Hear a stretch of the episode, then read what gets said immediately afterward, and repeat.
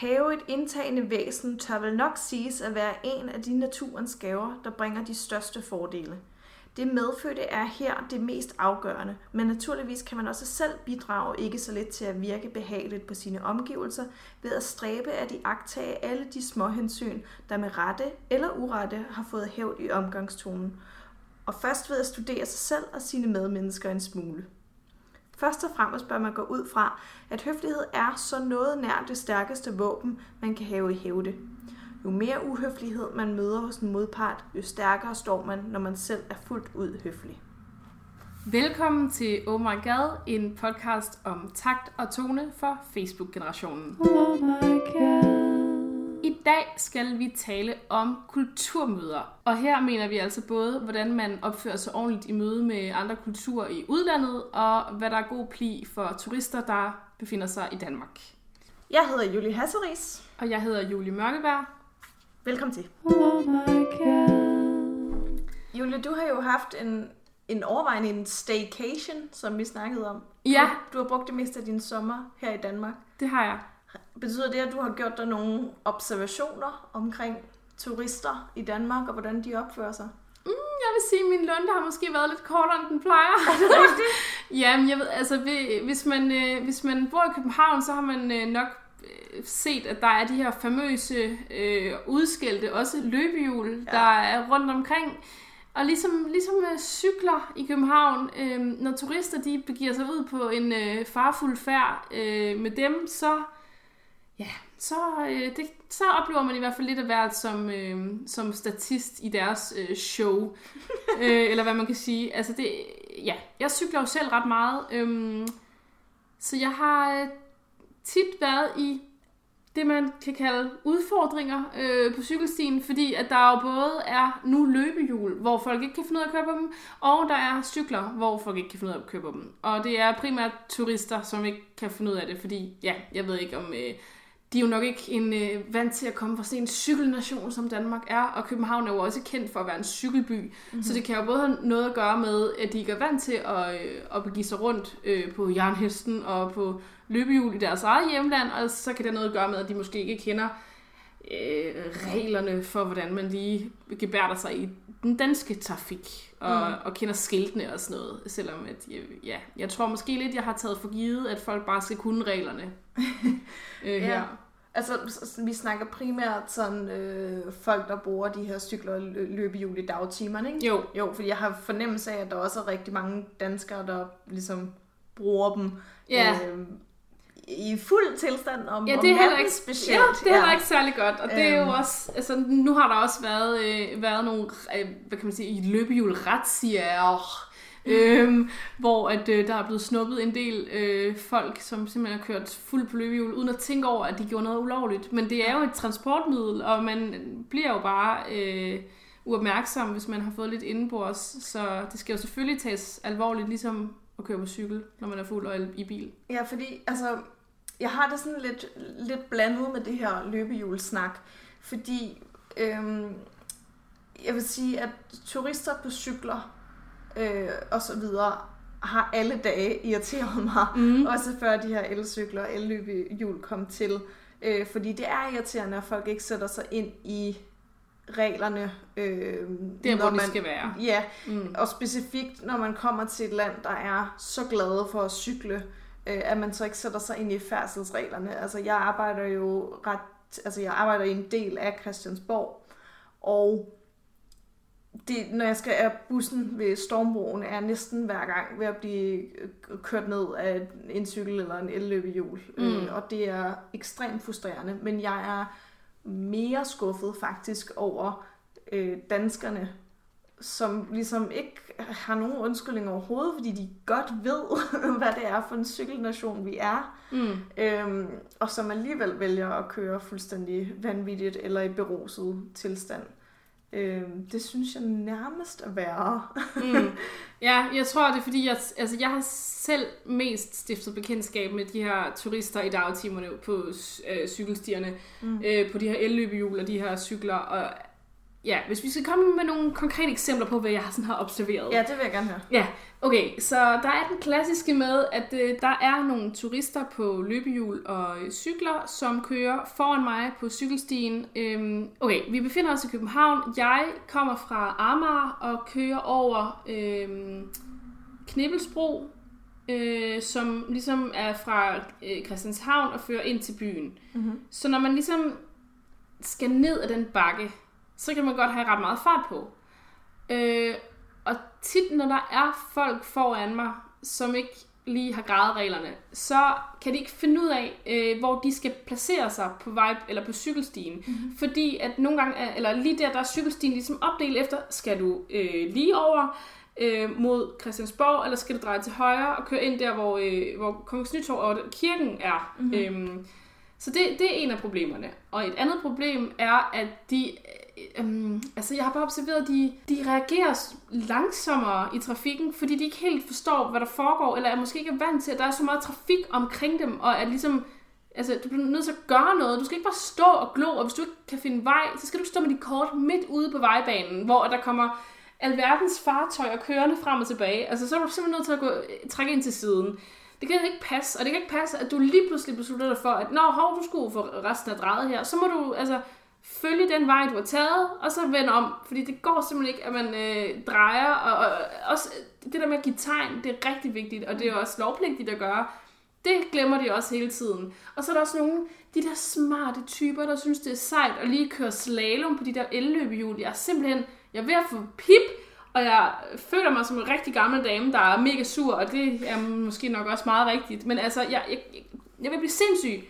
Fordi det handler om, at de bare lige skal have det sjovt og føle, at de er på en eller anden karusel i Tivoli, mens at det går ud over andre, hvis de kører galt, eller de kan køre ind i nogen. Og jeg var, jeg var i Paris i, øh, i april måned, hvor jeg så, at der var sådan to piger, de var, har måske været 11-12 år, der kørte på løbehjul, som skulle dreje i et sving, og de, fik, de havde for meget fart på, oh, nej og der var faktisk en af dem, der sådan faldt, og sådan ikke rejste sig op med det samme igen, og man kunne bare høre, at hun tudbrølede. Og Ej. jeg vil sige, heldigvis så var der hurtigt nogle, nogle franskmænd hen og og hjælpe, og hjælpe hende op og så videre. Men altså, det er bare farligere, end man tror, og de har fandme meget fart på. Så man skal virkelig altså, være sikker på, når man, øh, hvad man gør, når man begiver sig ud på sådan et fartøj. Puh, ej, det, øh, det lyder simpelthen så ubehageligt. Ja. Ej, jeg, kan, ja, jeg, er også, jeg er meget træt af de løbehjul der. Jeg, jeg bliver også irriteret, når folk ligesom prøver at argumentere mod mig, hvor, hvor det er, altså tankegang er, det er jo bare sjovt. Det er, sådan, det er fandme ikke bare sjovt. Det er Nej. transportmiddel, du er i trafikken, der er mange mennesker omkring dig. Det er dødsens alvorligt, at du kører ordentligt. Mm. Øhm, og det gælder over for os alle sammen. Vi skal køre fucking ordentligt på de der fucking elløbehjul. Ja, jeg, jeg er også meget bitter omkring dem.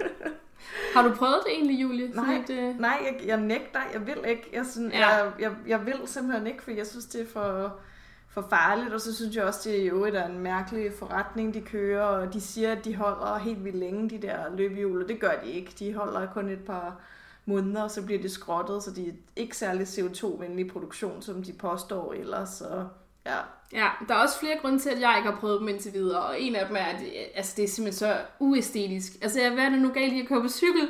Det er jo, jeg synes, de er så grimme, de der løbehjul. Og altså, det værste er også, de står jo og bipper, hvis de mangler strøm. Så står de bare og bipper hele natten, eller det kan de jo gøre. er det rigtigt? Nogle af dem har jeg hørt gøre. Jeg har, jeg har sådan gået forbi øh, nede på gaden, et løbehjul, der bare stod og bippede, så stod det bare der. Og der vil jeg sige, der er jeg glad for, at jeg bor på anden etage, og ikke i stueetagen. For, altså, så skulle man gå ud og fjerne dem, hvis man ville sove. Hvad er det for noget? Ja, det er også irriterende. Øh, Du har sikkert også set øh, hende, vi følger på Twitter, begge to Jal, som har en, øh, hvad hedder det, cykeludlejningsbiks Mm. i Nyhavn, hvor at der bliver ved med at blive stillet øh, masservis af, af løbehjul foran hendes butik. Det vil sige, en ting er, at altså, turister stiller øh, de der løbehjul overalt, fordi det gør de jo. De Jeg var faktisk ved, ja, jeg var ved at cykle ind i et i dag, fordi det Ja. stod midt ude på cykelstien, så stod den der bare. Ja, men jeg har også set rigtig mange, der har stået på Flintholm station i det felt, øh, hvor som blinde bruger til ligesom Nej. at navigere. Ja, det er super irriterende. Men i hvert fald foran øh, Jals butik der i Nyhavn, så bliver der stillet så mange på række, at det kun kan være altså selve firmaerne selv, der stiller dem op der. Mm. Lige foran hendes butik. Og så, Det er altså, simpelthen hun mister jo penge på det, fordi så kommer folk ikke og leger cykler hos hende. Ikke? Så jeg, jeg synes, det er, det er noget mærkeligt noget. Det er noget Ja, mærkeligt jeg kunne virkelig snakke om de her løbehjul meget lang Vi tid. kunne, vi kunne have et helt Ja. løbehjulsafsnit. Anti-løbejuls Ja, ja. podcast. Kampagne kører nu. Øh, ruller nu. Ja. Nå, vi skal også snakke om andet end løbehjulet. Ja, det må vi nok hellere. Ja. Øhm, vi, kan, vi kan snakke om øh, altså andre steder, hvor at vi har observeret turister i Danmark øh, opføre sig på en, mm, jeg vil sige, ikke særlig hensigtsmæssig måde. Ja. Altså, nu glæder jeg mig jo til at høre alle dine observationer, fordi du har været herhjemme til at se det hele. Ja, altså jeg har jo blandt andet observeret, øh, på et tidspunkt så skulle jeg cykle over Langebro, og så, altså, så ser jeg noget, der får mig til at stoppe på cyklen, og, og kigge mig tilbage, og blive ved med at kigge, fordi det, det er simpelthen vanvittigt, det jeg observerer. Og det jeg observerer, det er, at øhm, der er, da jeg ligesom kører øh, langs øh, Langebro og kommer over til Rådhuspladsen i København, så, så opdager jeg ligesom, altså på det her tidspunkt, jeg har musik i ørerne i mit headset, så øh, jeg, alligevel så fornemmer jeg, at der er gang i noget tumult her. Øhm, så kigger jeg ligesom til højre og kan mærke, at der er noget aktivitet der. Og så står der simpelthen sådan, jeg ved ikke, måske 20 kinesere, der er ved at komme op og slås. Hvad? Ja. Og det er simpelthen fordi, at lige der, hvor de står og er ved at komme op og slås, der er den her store statue af H.C. Andersen. Og de her 20 øh, kinesere, de står simpelthen, og altså, det som jeg ligesom, ud fra min observation, så ligner det, at de er blevet sure på hinanden, fordi at de, øh, de skiftes til at tage selfies og billeder af H.C. Andersen-statuen. De er jo meget glade for H.C. Andersens eventyr, tror jeg. Ja, det er vi jo alle. Det er jo en stor import øh, vare i Danmark med de her eventyr. Ja. Øhm, og så er de simpelthen øh, altså, ikke kunne overholde en eller anden rækkefølge, eller der er nogen, der har øh, sagt, at det var deres tur til at tage et billede, når det ikke var deres tur, og de er alle sammen altså, helt oppe at køre over den her. De skal bare have alle de her rigtige billeder af H.C. Andersen-statuen. Så de er simpelthen ved at komme op og slås.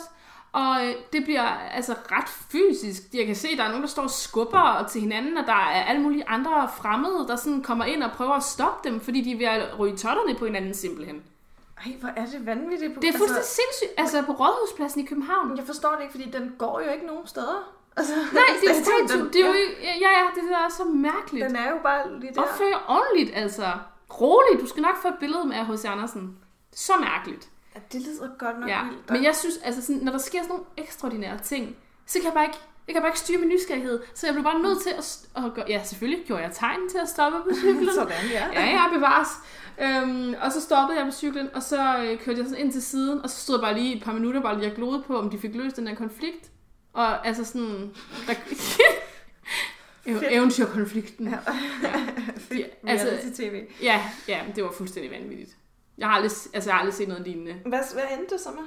Jamen, det endte med, at jeg blev nødt til at køre, fordi at jeg havde ligesom noget, jeg skulle. Øh, øh, Undskyld, jeg kommer for sent. Der var nogle kinesere, der var ved at komme op og slås. Ja, du, ved, du ved, hvordan det er. Wow. Ja, så øh, altså, da jeg kørte, der var stadig lidt, lidt gang i den, men der var kommet mere ro på tropperne, end der var øh, Okay. i begyndelsen.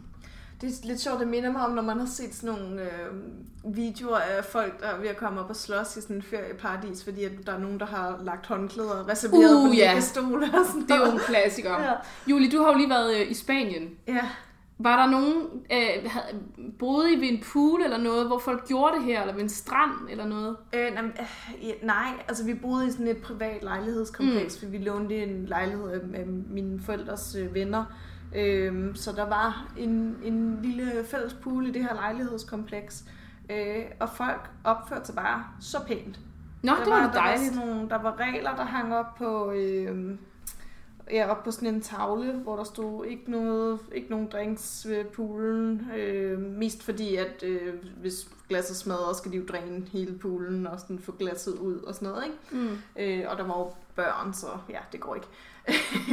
og ikke noget boldspil, ikke noget høj musik og sådan noget. Og alle var bare så gode til at overholde det og være søde ved hinanden. Og der var på et tidspunkt, hvor vi kom til at øh, smække os ud.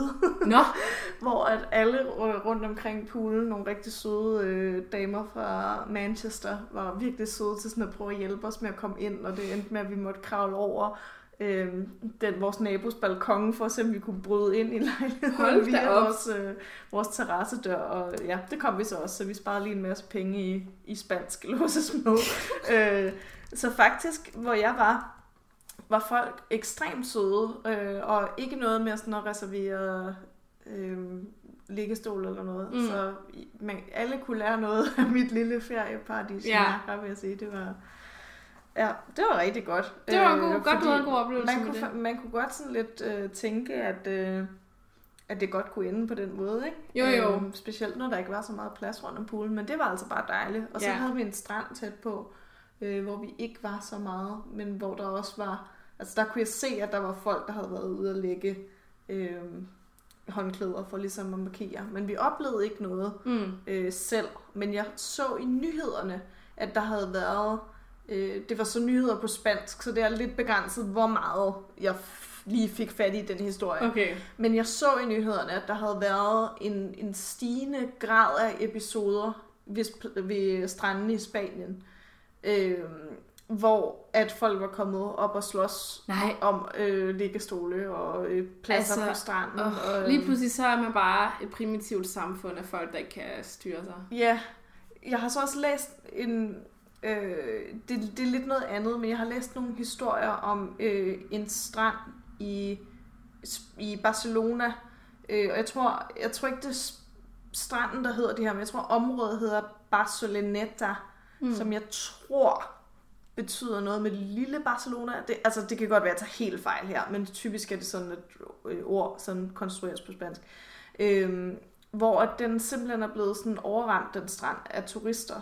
Så det er endt med, at øh, lokalbefolkningen sådan har følt sig presset fuldstændig ud. Mm. Øh, så de har været øh, lidt sådan, ikke aggressive, men mere sådan konfronterende i forhold til de mennesker, der er på stranden og ligger, altså spærrer pladser og sådan noget, fordi de sådan, det er vores strand også, altså det er vores lokalområde strand, og vi har også lov til at slappe af, og I kan ikke bare altså, stjæle det hele fra os. Mm. Øhm, så det synes jeg også var sådan en lidt anden vinkel på det, ikke? Altså, Jo. øhm, når man kommer som turist og bare sådan tager, tager, tager af den kultur, man møder, og ikke lader noget være tilbage til, til den lokale befolkning, som egentlig sådan, ja, lever med det til hverdag. Ikke? Ja, det, er jo også, det kan jo også være svært. Hvordan skal man ændre på det? Og hvem er det, der har magt til at gøre det? Og hvilke forbud eller hvilke regler er man sådan måske nødt til at indføre for, at det ikke, man ikke føler som spanier, at ens by bliver overrendt af turister, og man ikke har mulighed for at leve i den selv, som man plejer. Oh my god. Julia, er der steder, som du sådan decideret holder dig fra i løbet af sommeren i København, fordi du ved, at der bare er for mange turister der på det tidspunkt? Øhm, der er rigtig mange turister på Nyhavn. Ja. Eller i Nyhavn, Nyhavn, eller hvad man siger. Øh, så der plejer jeg ikke at begive mig ud så tit. Øhm, men ellers, altså jeg synes, der er mange turister over det hele. Også især inde ved strand, altså på strande selvfølgelig. Mm. Øhm, der synes jeg, der er mange. Så jeg forsøger så vidt muligt at sådan tænke sådan, okay, hvis jeg gerne vil ud og bade, øh, altså jeg, jeg tror, jeg, jeg er ikke så pivet med, hvor, at vandet det må gerne være lidt køligere, end de fleste andre danskere øh, synes. Øhm, så jeg har ikke noget imod at sådan, tage senere på stranden, eller tidligere på stranden, hvis jeg ved, at der er færre mennesker. Mm. Øhm, fordi det vil jeg hellere, end at der er fuldstændig proppet. Men ellers ikke sådan... Nej, det tror jeg ikke. Ellers ikke... øh, Jeg synes, jeg oplever det rigtig meget lige i starten af strøget, som jeg nogle Nå, gange ja. er til at gå igennem for Ja, at komme på, på arbejde. Og sådan. Ja. Jeg synes, det, det er sådan kæmpe, kæmpe prop af mennesker. Men jeg undgår altid strøget. Ja. Nærmest, så det, det er ikke bare fordi der er turister, det er også bare fordi det er nederen. Altså. Jo, men det, det gør jeg egentlig også, men det er bare det er den rute, som jeg skal af, øh, hvis jeg skal på arbejde øh, et ud af øh, to steder. Hvad, hvad? Hvis jeg skal på arbejde de to steder, hvor jeg, øh, hvor jeg arbejder sådan nogenlunde regelmæssigt. Og det, jeg, jeg kommer bare til at tænke på det, fordi vi snakkede om det der med øh, folk, der stopper på cyklen uden at give tegn eller sådan. Det har det lidt på samme måde med folk, øh, og det kan også bare være turister, altså indenrigsturister, folk fra mindre byer, som kommer til købstaden, og så bare sådan er ved at gå et eller andet sted hen, og så bare stopper, stopper de bare. eller vender sig og snakker, eller et eller andet. Det er hvor man, så irriterende. Ja, det er godt nok Ind til siden, venner. Ind til Ja. siden. Og det er sjovt, du siger det der med, med at, at stoppe lige pludselig, fordi altså, jeg har både boet i Aarhus og i København, og jeg vil bare sige, hvis jeg øh, havde en eller anden lille tæller, måler, øh, måleapparat, der kunne måle øh, gennemsnitshastigheden på folks gang på strøget i henholdsvis København og Aarhus, det er simpelthen helt forskelligt. Altså, da jeg boede i Aarhus, der var jeg sådan, hold da op, de er da godt nok øh, langsomme på den her. Og jeg, jeg, kunne, altså, I begyndelsen kunne jeg ikke finde ud af, at det her er rart, at folk ikke skynder sig så meget, og ikke har travlt med alt muligt, eller er jeg ved at blive fucking sindssyg, fordi jeg ikke kan komme forbi, og jeg har travlt på- med noget. Øhm, hvor jeg har også haft den samme sådan ambivalente følelse med København, fordi jeg var vant til Aarhus, så var jeg sådan, hold da op, folk de går godt nok hurtigt, de må virkelig føle sig meget vigtige og travle, når de går så hurtigt. Øhm, til at sådan bare selv blive en af dem, der går rigtig hurtigt. Så jeg ved ikke, altså, jeg tror bare, jeg er måske sådan en, der adopterer øh, det, jeg lige sådan kommer ind i. Og så alt efter, hvordan øh, flertallet agerer i den, øh, i den pågældende øh, situation, så gør jeg bare, hvad flertallet gør, tror jeg. Altså sådan adoptere den der kultur med, hvor hurtigt man går. Mm. Men det er meget sjovt. Har du lagt mærke til det i forhold til sådan, også i forhold til udlandet, sådan, hvordan folk de sådan gør, når de går rundt? Jamen altså, jeg kom lige, nu sad jeg lige og tænkte, at nu her, da jeg var i, i Spanien her i sidste uge, øh, har jeg jo gået enormt meget langsommere, end hvad jeg går normalt. Så mm. jeg har da 100% sikkert været den der mega irriterende, der har gået for langsomt i forhold til nogen, der skulle noget bag mig. Øh, jeg prøver ellers altid at være meget opmærksom på ikke at stå i vejen og ikke stoppe midt i det hele. Altså hvis der er nogen, der siger stop, så går jeg et stykke indtil jeg ikke står i vejen, og så vender jeg mig om, hvilket, folk, hvilket gør folk nogle gange sådan, Julia, jeg sagde stop. Sådan, jeg ved godt, jeg kan ikke stoppe her. Ja. ja, øhm, ja, så jeg har da sikkert selv endt med at være sådan en, der er gået i vejen for folk.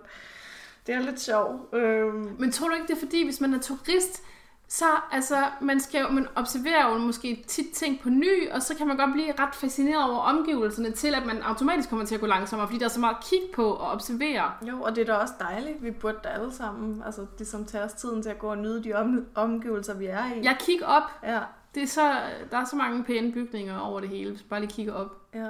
Oh my god. Omkring det her med gæster, så har øh, Emma et citat. Det handler i virkeligheden mere om, hvis man har gæster i ens eget hus. Mm.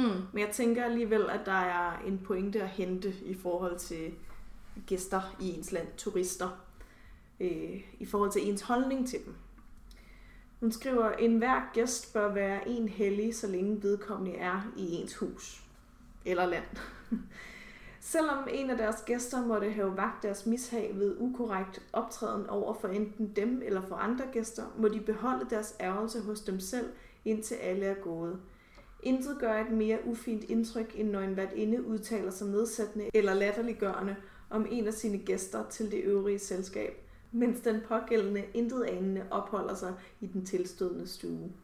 Og jeg vil sige, jeg, jeg, det, er en, det er en god pointe, altså i forhold til, lad os da øh, snakke pænt om hinanden, og lad os have øjne for, at der er forskellige kulturer, og at der nok sjældent er nogen, der gør noget øh, for decideret at være uhøflige.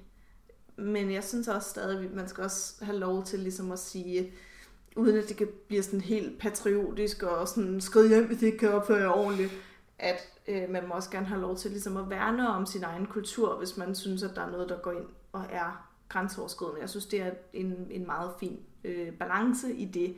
Øh, fordi, som vi også kommer til at snakke om øh, om lidt, er der rigtig mange mennesker, der virkelig går over stregen i forhold til ikke at respektere andre kulturer.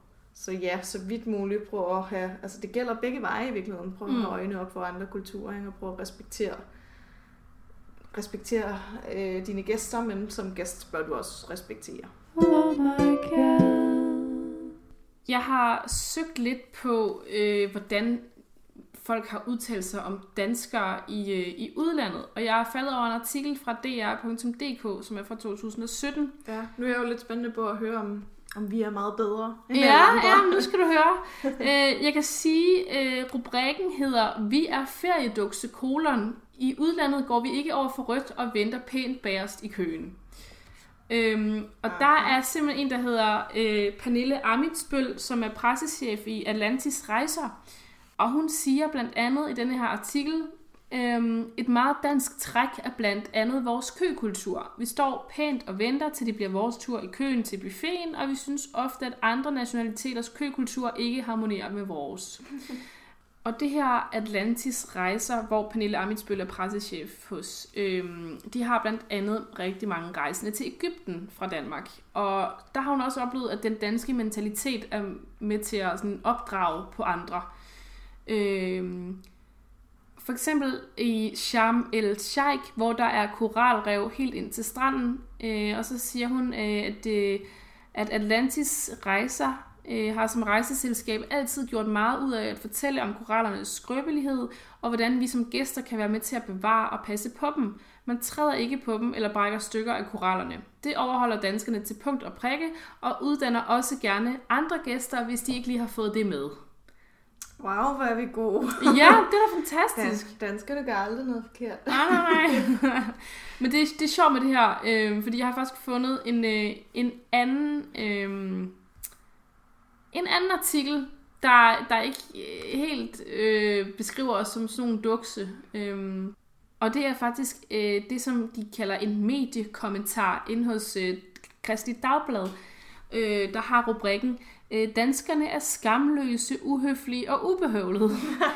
Så ja, vi skal ikke komme for godt i gang med at glæde os for meget i hvert fald. Og den her mediekommentar, den handler om, at øh, der er nogle undersøgelser, der viser, at danskerne har et helt andet omdømme, øh, både i, i vores nabolande som Norge og Sverige, og også længere ud i den store verden. Og den her kommentar, den nævner blandt andet, at øh, danskere er påfaldende disciplinerede. Som danskere, så lægger vi åbenbart stor vægt på, at mødetider overholdes, øh, og vi bliver meget irriteret, hvis der er en aftalt tid, som ikke respekteres. Ham, der har skrevet den kommentar øh, til Christi Dagblad, det er en, der hedder Leif Jernø, som er forfatter og foredragsholder. Og øh, han siger blandt andet i den her kommentar, øh, jeg kan lige citere, da jeg i årenes løb har opholdt mig en del i både Rom og Paris, kan det bevidnes, at der også på et andet område er mentalitetsforskelle mellem de andre og os. Vores trafikkultur er i alt for mange tilfælde præget af usympatisk mangel på smidighed. Eksempel. Ved den stakkel, der ønsker at skifte vejbane. Trafikal syndsforladelse gives ikke. Hold op. Altså, jeg har, jeg har tænkt på, da vi forberedte os til det her afsnit, at jeg synes, at, at der er mange... Øh, jeg synes, der lader lidt til at herske en tanke om, at der er mange øh, hvide turister, der stadig tænker sådan lidt i koloniseringstanker, som om, at vi gør alle de her kulturer en tjeneste ved bare at, at, sætte være til fod- stede. Ja, Ja. at være til stede. Og der hersker også den her tanke om, at vores kultur Mm. er mere rigtig. Og jeg er ret stor fortaler for, at der ikke findes noget rigtigt og forkert på det punkt. Der findes kun forskellige måder at anskue tingene på. Mm. Og jeg synes, det er utrolig arrogant, øh, at man kan tænke, at ens egen kultur er mere værd end øh, den kultur, man besøger. Altså, man kan jo ikke sætte et spansk samfund, øh, for eksempel, i, et- altså i dansk kontekst. Mm. Hvis nu man for eksempel som dansker klagede over, at der blev holdt siesta i Spanien, fordi de burde da vide, at der kommer en masse turister lige nu, så Mm. mm. hvorfor vil de lukke det der totalt... Øh, det, jo- det passer ikke ind i mit program. Ja, det er meget sådan, sådan... Det er dig, der er gået ind i en anden kultur. Mm. Så må du jo tage det med. Altså, der er heller ikke nogen, der siger, at din kultur er mere rigtig. Måske har de virkelig fat i noget med den her siesta. Mm. Øhm, det er bare noget, der irriterer mig en del. Og på samme måde, så irriterer det mig også, når folk øh, kritiserer diverse turister om, altså folk, der arbejder øh, i turistområder for ikke at kunne tale engelsk, for eksempel. Det er noget, jeg har hørt øh, for nylig, hvor at øh, der blev sagt, at man burde da, når man vidste, at man arbejdede i sådan et turistområde, så burde man da lære engelsk. Altså med andre ord er underteksten, du burde lære engelsk, så du kan snakke med mig.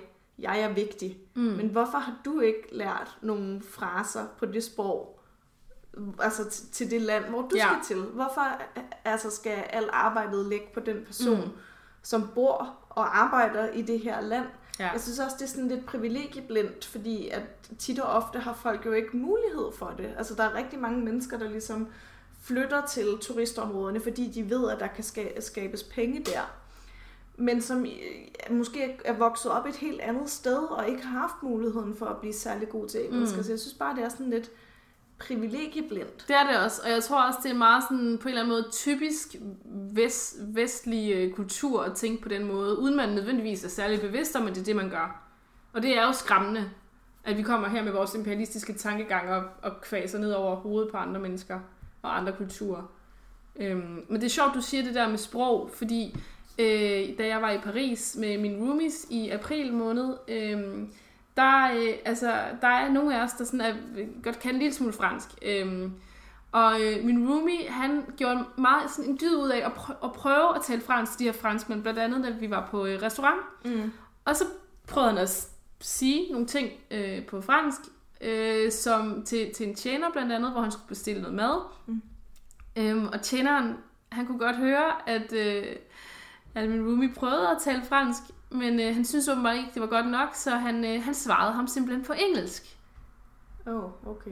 Det, Og ja. det, det, øh, det blev jeg sgu lidt sådan det er lidt det, irriteret over. det er selvfølgelig lidt skuffende. Øhm, jeg har tit hørt det her med øh, danskere, som når øh, folk prøver at snakke til dansk til danskere, øh, at så vil danskere bare slå over på engelsk. Ja, Og jeg har prøvet at forsvare det med, at vi simpelthen ikke er vant til at høre vores eget sprog med en accent, Mm. mm. fordi der er så få, der forsøger, ja. at det er derfor, vi slår over øh, på engelsk. Det er virkelig ærgerligt, og jeg synes også især ja. i de nordiske eller skandinaviske lande, altså der er det virkelig ærgerligt, at hvis man står en svensker og en dansker og ikke kan tale sammen på, altså tale hver sit sprog og forstå hinanden, Ja. øh, det synes jeg også er virkelig ærgerligt. Ja, det synes jeg også. Øhm, men jeg synes, det er ærgerligt, at I havde den oplevelse i, i Frankrig. Øh, Ja, fordi vi tænkte jo, vi gjorde noget ekstra, og. Ja. det ville de nok sætte pris på, fordi vi, altså, vi havde jo den fordom, at, øh, at der var mange øh, franskmænd, som ligesom var, var sådan, hvad kan man sige, sure eller fornærmet over, at der, at der ikke var nogen, der talte fransk til dem.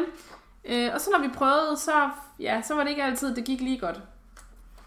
Men ifølge Emma, så skal I have point for bare at prøve. Mm. Øhm, for hun skriver, og øh, husk lige på, hvornår det her er skrevet. Øh, citatet starter godt og bliver sådan lidt halvproblematisk hen mod slutningen. Hvor der er udlændinge til stede, som ikke forstår sproget, der tales, have der mod til at devolvere dem og om muligt tale med de pågældende i deres eget sprog, så at de ikke har indtrykket af at være skyllet op på en øde ø mellem vilde. Ja, lidt, lidt spøjt, men hun skriver videre her, øh, som egentlig er meget fint. Det er tåbeligt at genere sig for at tale et fremmed sprog, fordi landsmænd påhører det. Altså med andre ord, du skal ikke være bange for at øh, gøre dig selv til grin, bare fordi at der er landsmænd, der hører dig forsøge, sig med, altså forsøge dig med deres sprog. Ofte kan det tværtimod virke meget pudsigt og bidrage til den almindelige munterhed, når der tales lidt forkert tysk eller engelsk, at sige, hvis den talende selv lærer med. Så meget humør bør enhver sidde inde med. Så altså, Emma siger, det er god stil lige at forsøge sig, og øh, det vil du som oftest blive belønnet for, mm. altså overhovedet at gøre forsøget. Og jeg vil sige, jeg har prøvet at snakke lidt spansk nu her, øh, og jeg, det, det er altså mange år siden efterhånden, at jeg havde spansk i gymnasiet. Jeg prøver sådan en gang imellem at holde det lidt ved lige med Duolingo.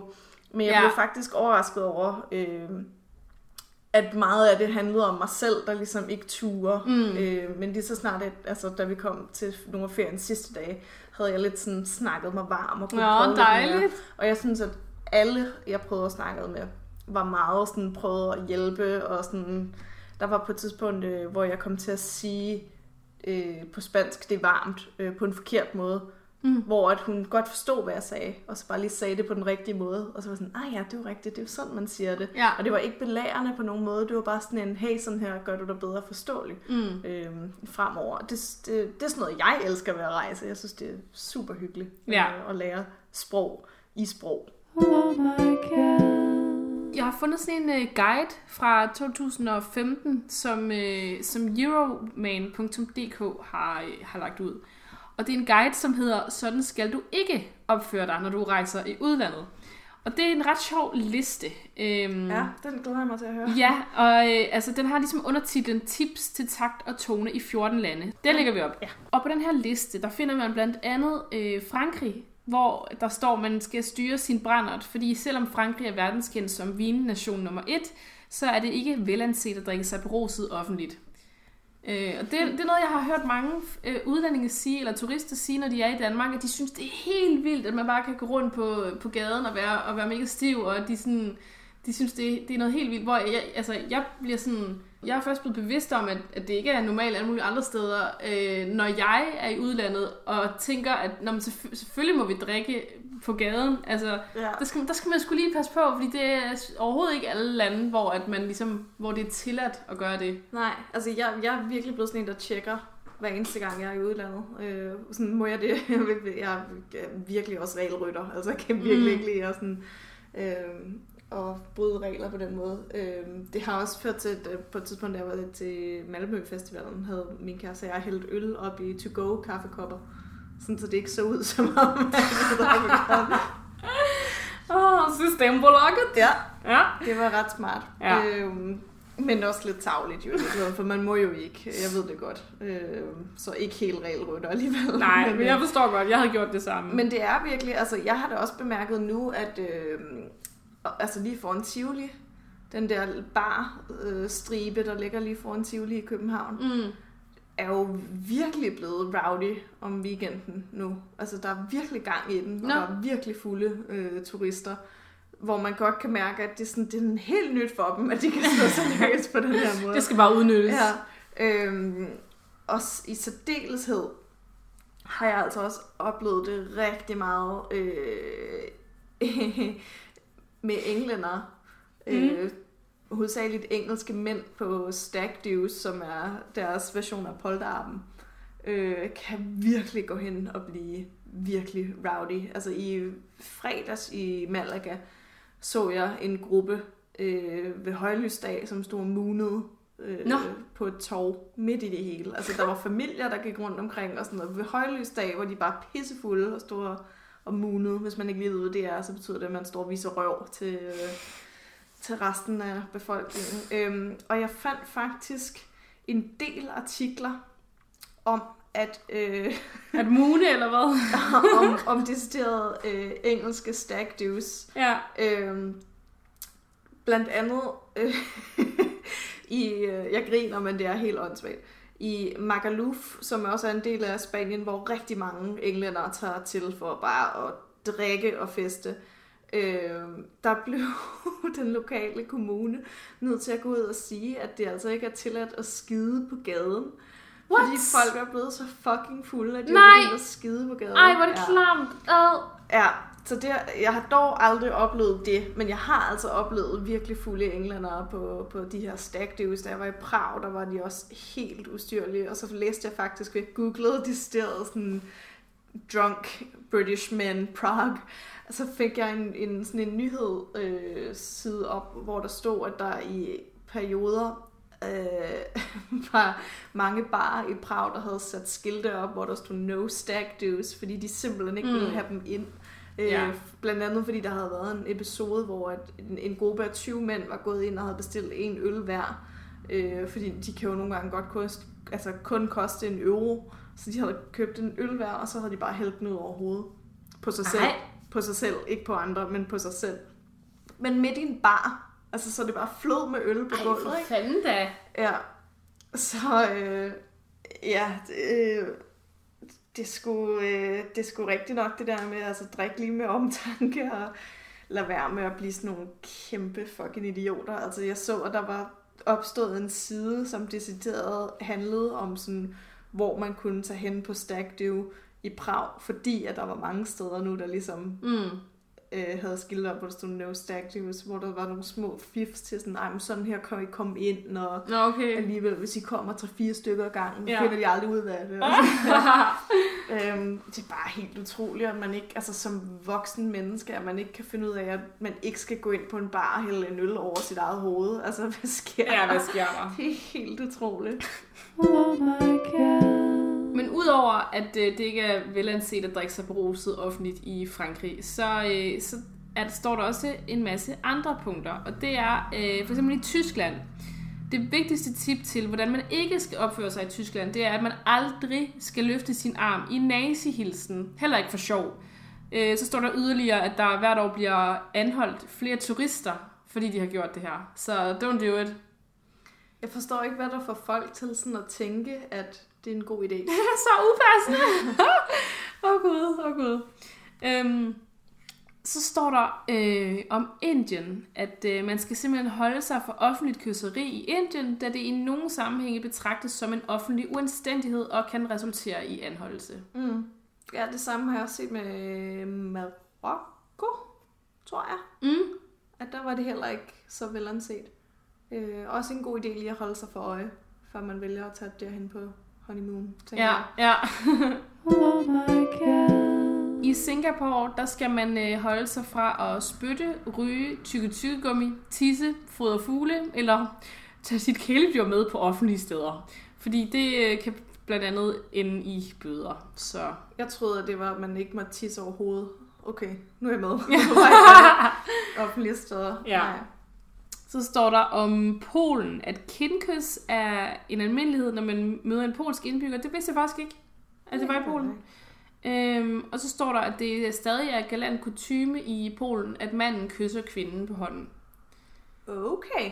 Ja, der kan man bare se. Der tror jeg, jeg vil sådan panikke lidt, måske. Ja, det vil jeg nok også.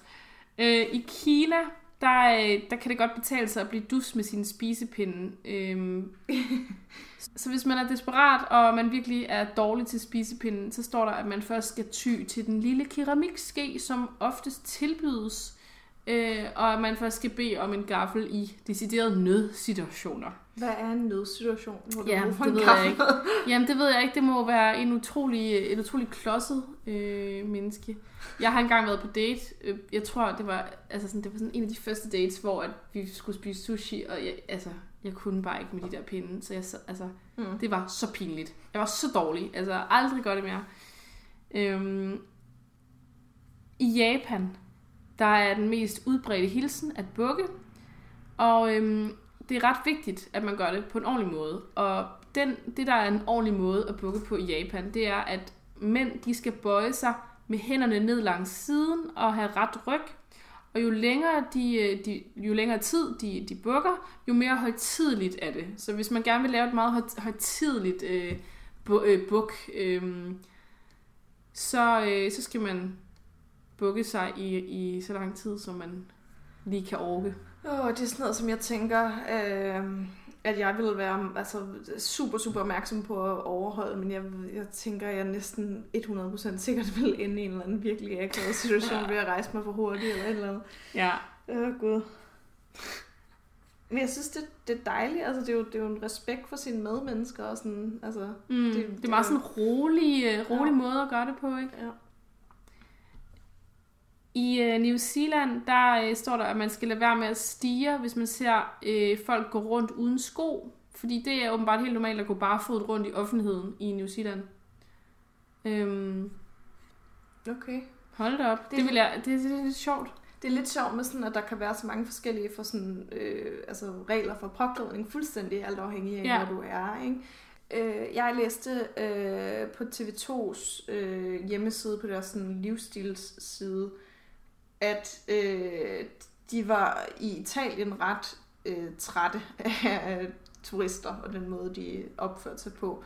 Øh, og øh, italienerne gør en dyd ud af ligesom at være velklædte, og at de simpelthen var så møg trætte af folk, der øh, sad og, om aftenen på restauranter øh, i t-shirts og shorts, og, Mm eller hvis det var i nærheden af noget strand eller offentlig bad eller et eller andet, at folk sad i badetøj og vådt hår og sådan noget, fordi i Italien der gør man noget ud af, og ligesom også se godt ud. Øhm, og så, så de nævner altså i den her guide, at man skal øh, sørge for at være ordentligt klædt på. Og her der får de altså opbakning af Emma, øh, og hun skriver, øh, vis dem af hensyn til de andre gæster. Det skal altså lige siges, det handler her faktisk om badehoteller. øh, altid net påklædt ved måltiden. Sandaler, strandtørklæder og forblæst hår bør være bandlyst fra en fælles spisesal. Og altså også fra italienske restauranter. Og hvis man i øvrigt er yderligere interesseret i, hvordan man opfører sig pænt på en restaurant, så kan man jo høre vores tidligere afsnit, afsnit 6, som handler om kulturliv, hvor vi snakker lidt om, hvordan man bedst gebærder sig på en restaurant. Oh my god.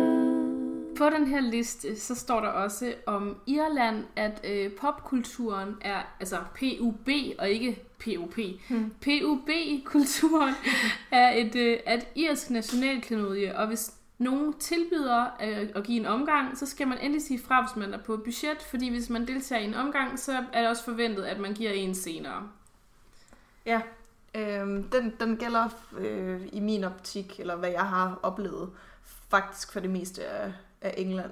Mm. Øhm, jeg var i England for i efterår, øhm, hvor at, øh, jeg også bare, jeg ville bare gå op og købe en øl for ligesom at være høflig, hvor der blev virkelig, altså til den ene, jeg havde købt, for jeg havde bare købt, hvor hun var sådan helt, Ej, jeg er simpelthen så ked af det, men jeg kan altså ikke, I, I can't do rounders, som hun sagde, altså det der med at tage en runde, ikke? Ja, at det havde hun simpelthen ikke råd til, hvor var sådan, det, altså det er helt fint, det bare, jeg vil bare gerne være gæst, altså sige tak, fordi jeg må bo øh, hos jer og give en øl. Og hun var sådan helt, altså, helt rundt på gulvet over, at jeg havde købt hende en runde, som hun ikke kunne, øh, kunne være med på, ligesom at give igen. ja. ja. Så ja, forventningsafstemning kan, kan være en god ting der, hvis man er på et budget. Ja. Øh, både for den ene og den anden part. Oh. Om Storbritannien, så står der, at man altid skal holde sin plads i køen, og at det bliver opfattet som yderst uhøfligt, hvis man forsøger at komme hurtigere frem ved at snyde, for eksempel. Øhm, ja, det synes jeg også, sådan synes jeg også, det er i Danmark egentlig. Der synes jeg godt, Ja. at folk de kan være lidt sure, hvis man sådan forsøger at snige sig ind foran. Jeg bliver i hvert fald sur. Ja. Jeg siger noget til jer. jeg er altså ikke en af dem, Julie. Nej, nej, nej. Jamen, det, ja, alle sammen. Ja, ja. Generelt. Okay. Og så kan jeg også lige nævne, at i Rusland, øh, der skal man helst ikke fløjte indenfor, for russerne har åbenbart en overtro, der siger, at man er i overhængende fare for at gå konkurs, hvis man fløjter indendørs. Okay. Hold da op, det var godt nok mærkeligt. Wow, okay. Øh, ja, der vil jeg være i problemer. Fløjter du meget, Julie? Ja, ja, det er sådan, Ja. ja. det er sådan en ting, jeg har på min far. Min far, han fløjter virkelig, virkelig godt. ja. Er du også sådan en, der kan fløjte i flere toner og så videre? Det kan man... Kan Altså, jeg kan også ikke. Jeg kan kun fløjte i en tone. Er det rigtigt? Ja. Kan, kan du Jamen, jeg, det, nej, jeg kan ikke. Ej, det er mærkeligt. Jamen, det er pisse irriterende, fordi jeg, jeg vil jo da gerne fløjte, men det, det giver ikke så meget mening, når det er så monotont. Ja. Nå. Men, men hvad, har du nogle yndlingsfløjtemelodier så? Øhm, jamen, altså en klassiker er jo Mike and the Me- Mechanics Over My Shoulder, som er en sang, hvor han fløjter. Øhm, det lyder sikkert vanvittigt dårligt på mikrofon her. Øhm, men jeg er ret god til at fløjte både ind og ud af. Så den er, den er sjov at fløjte. Øhm, Ej, gør lige.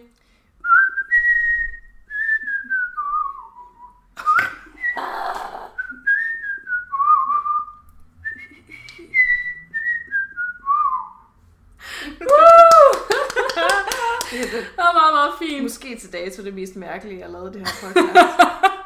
Det skulle jo ske. Oh. Oh my god. Ja, men øh, den her liste, der, er, der står nogle flere lande øh, på den her liste, men dem kan I lige selv gå ind og tjekke. Vi lægger et link ud på vores øh, Facebook-side. En helt overordnet ting, som jeg synes gælder for alle turister, altså uanset hvor man er, det er, at vi skal have for øje, at vi befinder os i en miljøkrise, øh, og at overturisme kan have en meget, meget negativ effekt på de lande, øh, vi besøger. Øh, så helt generelt, sådan, før man vælger, hvor man vil hen, så prøv lige at øh, undersøge, hvordan og hvorledes det går med landet og turisme øh, lige i øjeblikket.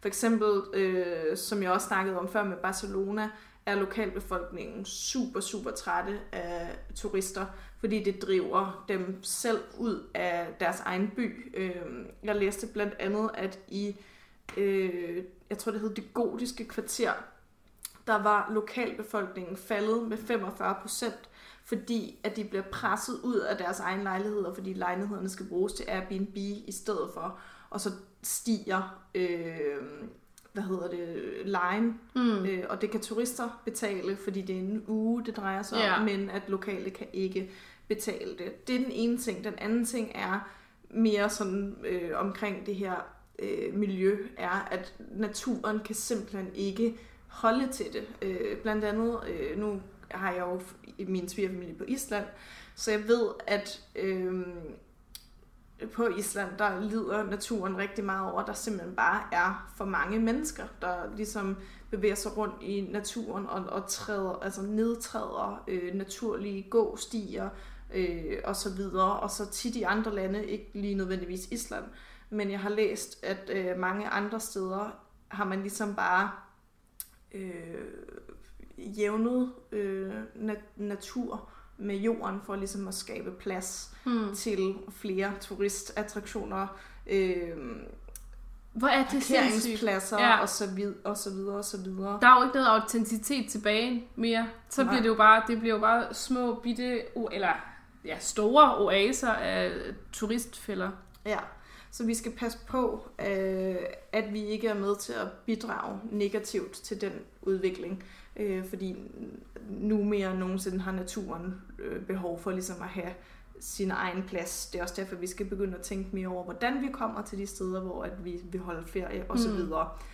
Øh, det kunne jeg snakke i, i lang tid om, men nu skal det handle lidt mere om takt og tone. Og derfor kunne jeg godt tænke mig at snakke om øh, nogle af de mennesker, som ikke har respekt for det øh, Øh, kulturelle øh, landemærke, som de kommer til. Øh, for eksempel Angkor Wat i Kambodja er nogle hellige templer, hvor at de har øh, nogle forskellige regler for, hvordan man skal opføre sig. Øh, det er altså nogle øh, templer, som er, øh, nu skal jeg passe på, at jeg ikke siger noget rigtig dumt, men altså tusind år gamle. Øh, og de har nogle regler for, hvordan man ligesom skal opføre sig, for ligesom at respektere det her højt spiritu- øh, spirituelle sted, som det er. Øh, som blandt andet er øh, ikke at snakke øh, for højt, og ikke at klatre rundt på øh, de her øh, ruiner. Øh, og det er sådan nogle ting, som bliver ødelagt igen og igen ved, at folk går og taler super højt og ødelægger det. Det skal være sådan et sted for fordybelse og bøn. Og Jeg vil virkelig være en dårlig turist der, kan jeg høre. men det tror jeg ikke, for jeg tror, altså en ting er at sådan, måske at have sådan en naturlig lidt højere volumen på stemmen, men det, det, et af de eksempler, der blev givet, var en dame, som bare stod og bjeffede ordre af sin kæreste for at få ham til at tage det perfekte Instagram-billede af hende, ikke? Øh, og ikke have nogen respekt for, hvor det egentlig er, at hun står, og plus at hun stod lige ved siden af en, der sad og prøvede at bede, fordi det er det, man gør. Ja. Øhm, og så er der, der er andre historier om så omkring øh, altså, at overholde sådan nogle her regler, som i øh, Yosemite National Park i USA. Mm. Jeg kan simpelthen ikke lige huske, hvad stat det er, men hvor at der også er regler for ligesom lade være med sådan at ødelægge landskabet, og lade være med at tage øh, flora og fauna herfra og tage det ud herfra. Og det sker alligevel hele tiden, at, at naturen bliver skændet. Og så er der... Øh, så er der så de mennesker her, som ligesom går skridtet videre. Og det er så her, at jeg finder den her historie omkring noget, der er sket i Angkor Wat, hvor to søstre beslutter sig for, at ved det her højhellige temple, der skal de da lige tage nogle nøgenbilleder. Så de, de, får, altså de tager nogle nøgenbilleder og får en bøde på, hvad der svarer til 250 dollar. Og det er jo ingenting. altså, så der er ikke en sådan super stor konsekvens, men jeg forstår ikke, hvad der er gået igennem hovedet på dem, Mm. hvor de har tænkt, det her er okay. Øh, der var også en historie for nylig om en dansker, der hed Andreas Hvid, som tog et billede på toppen af Keops-pyramiden, hvor man ikke må gå op i øvrigt, Mm.